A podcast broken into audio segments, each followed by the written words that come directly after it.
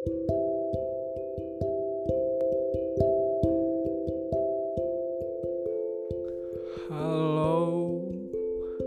halo, hai hai, selamat sore semuanya pendengar.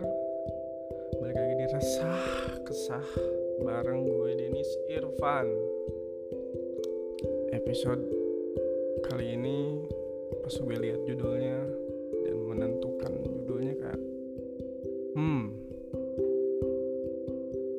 mungkin kalian juga pernah ada di posisi itu atau lagi di posisi itu ya. Merasa berbeda berat. Ya. Bagi gue cukup cukup berat juga karena cukup relate berat banget dengan kehidupan gue yang kalian mungkin sering bertanya ke diri sendiri kenapa sih gue beda sama dia atau sama mereka. Terus gue sekarang mau tanya ke kalian apakah kalian juga pernah berada di posisi itu? Kalau pernah berarti kita sama. Ya ini juga mungkin bisa menjadi episode gua. Sedikit memperkenalkan siapa sih gue siapa sih Denis dari judul kali ini merasa berbeda. Ya. Susah memang jadi berbeda takut berbaur. Dan sulit juga berpikir. Mereka nerima kita karena kasihan mungkin. Kenapa mereka jauhin gue? Kenapa sih mereka lihat gue kayak gitu? Pertanyaan-pertanyaan seperti itu banyak lagi pertanyaan yang mungkin terlintas di benak gue saat itu. Berbeda sejak lahir, mungkin menurut gue itu cara Tuhan menjadikan seseorang menjadi lebih kuat.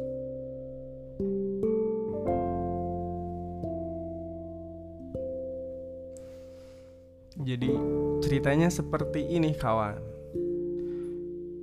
Dulu ada seorang ibu yang mengandung Tapi dia harus melahirkan anak tersebut di umur 7 bulan. That's it prematur disebutnya ya. Jadi ya saat anak ini mulai ngerti Saat anak ini mulai sering bertanya ke orang tuanya, ke ibunya. Ibunya sering cerita bilang kalau saat bayi anak itu cuman seberat botol air mineral. Wow. Ditempatkan di ruang apa disebutnya inkubator. Ya. Karena yang lahir belum waktunya itu harus tetap ada di tempat yang hangat, yang banyak lampu setiap hari. Setiap hari juga diberi suntikan vitamin. Ibu itu terus bercerita ke anaknya sebanyak 10 kali katanya per hari. Dan ada satu hari yang suntikan itu ternyata kalau penuturan ibu itu ke anaknya salah tempat dan menyebabkan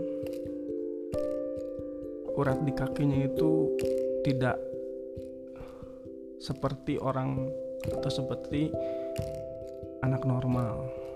Ya jadi perawat itu mungkin disebutnya waktu dia di sana sedang koas atau apa yang disebut magang kalau lagi kuliah ya. Kenapa ibu itu bisa tahu?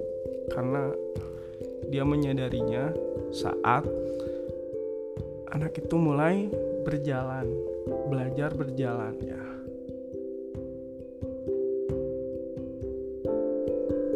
Menemukan perbedaan di sana dan anak itu masih belum ngerti kan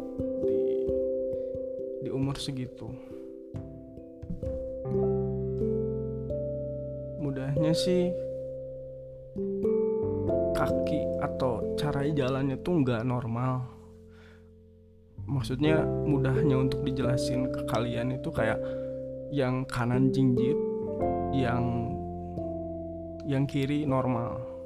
Jadi singkat cerita anak ini di taman kanak-kanak dioperasi. Karena orang tuanya berharap normal lagi ya. Akhirnya sudah operasi itu anaknya itu pakai sepatu yang kayak gift jadi di pergelangan kakinya tuh kayak dikasih besi-besi gitu. Jadi dia setiap hari seperti itu. Nah mulai mulai anaknya ngerti di saat di saat itu pertanyaan-pertanyaan itu mulai mulai ditanyakan oleh anak itu. Kenapa sih aku harus pakai kayak gini? Kenapa sih orang lain beda? Nggak kayak aku gitu. Jadi saat itu gue gue lupa berapa bulan anak itu pakai sepatu itu. Ibunya bilang sampai dia di foto buku tahunan di kelulusan tek taman kanak-kanaknya masih pakai.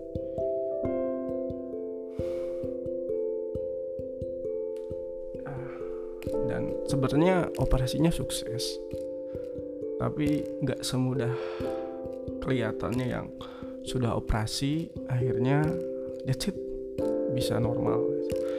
Jadi saat itu harusnya mungkin ya kalau gue bilang uh, harus pakai rehabilitasi fisioterapi yang seperti seperti atlet atau pemain sepak bola. Kalau ya cedera kan nggak mungkin pas udah operasi langsung bisa main langsung bisa ya bertanding lagi. That's it. Jadi ini bukan ini bukan menceritakan kayak bukan menyalahkan orang tuanya bukan. Tapi karena saat itu orang tuanya sangat sibuk an, uh, ibu dan ayahnya juga sibuk uh, tidak bisa apa ya melatih. Harusnya kan anak kecil di umur saat itu dilatih jalan normal di perlahan seperti seperti belajar jalan bayi belajar jalannya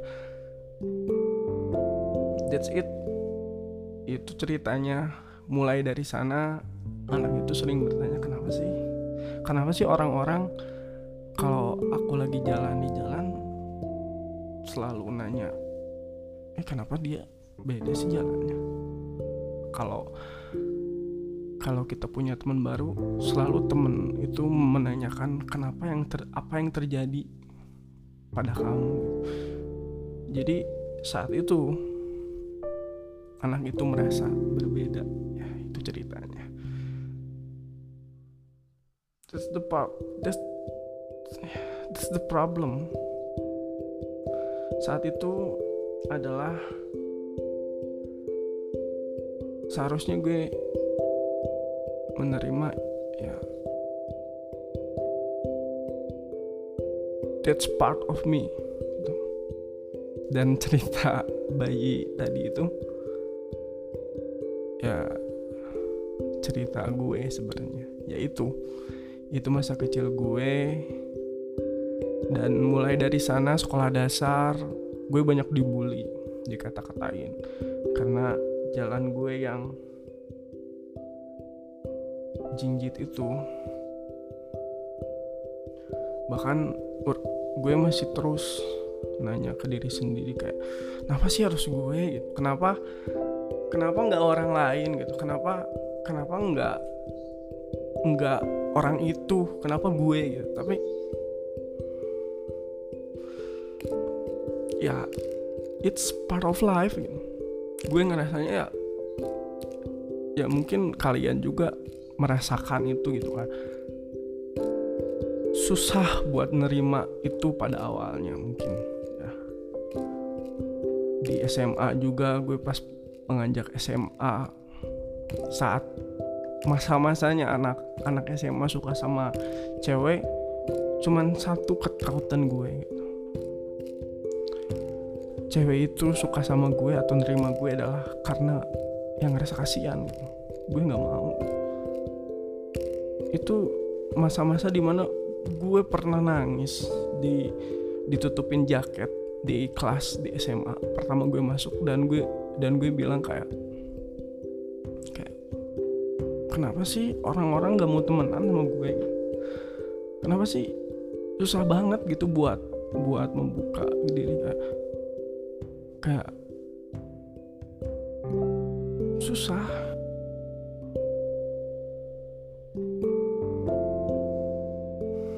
jadi merasa berbeda apa apa pun itu ya fisik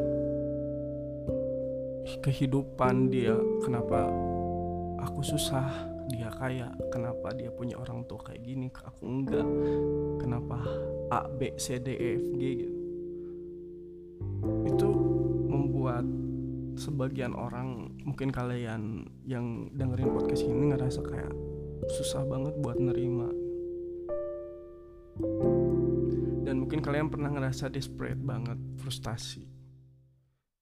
Dan ya karena susah diterima di lingkungan dan masih susah buat berdamai. Kalau menurut gue sih nggak apa-apa. Itu it, itu butuh waktu itu butuh proses. Saat itu pun gue ngerasa marah emosi ke diri gue ke orang-orang yang sering nanya orang-orang yang pertama kenal dan temenan sama gue sering nanya Den kenapa sih? Den kamu tuh sebenarnya kenapa? Gue saat itu sering marah sama orang-orang yang nanya gitu karena gue gue berpikir hal-hal seperti itu nggak perlu ditanyain. Maksudnya ada pertanyaan yang lebih baik atau ada hal-hal yang harus dibahas lebih baik. Tidak seperti itu gitu. Dan menurut gue hal-hal yang lebih baik dibahas seperti kayak nih hobi kamu apa? Hobi lu apa? Lu tinggal di mana? Tidak langsung strike pertanyaan ke sana gitu. Tapi seiring berjalannya waktu gue kuliah gue jadi mencoba untuk udah nggak usah marah sama orang lain karena ya mereka nggak akan ngerti.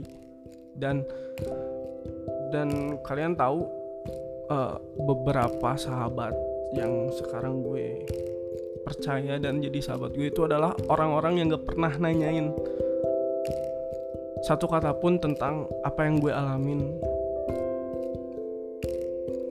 Kenapa gue bisa gini? Enggak ya. Karena gue berpikir kalau gue udah merasa percaya ke mereka gue bakal cerita kok kayak kayak gini gitu. Gue cerita ke kalian ya kak ya karena gue percaya gitu. Maka dari itu gue juga cukup sulit buat menerima itu saat saat dulu gitu. Itu itu gue yang dulu sangat sulit. Tapi it's a process. Apa pun proses kalau kalian masih belum bisa menerima atau masih banyak pertanyaan yang belum terjawab, it's okay. Nikmatin prosesnya. Dan di saat kalian udah mulai menerima diri kalian sepenuhnya, banyak hal-hal, banyak hal-hal indah yang akan menunggu kalian. You know, saat gue mulai menerima itu, banyak hal-hal ya hebat yang gue dapatkan. Teman-teman hobi cita-cita dan lain sebagainya mulai datang. Jadi ini buat kalian teman-teman pendengar sekalian kalau kalian merasa berbeda dan masih merasa itu nggak apa-apa. Nggak apa-apa. Kalau kalian masih sulit untuk menerima nggak apa-apa nggak perlu tergesa-gesa memaksakan itu semua. Karena pada akhirnya berdamai dan menerima diri sendiri pun adalah sebuah proses yang tadi gue bilang.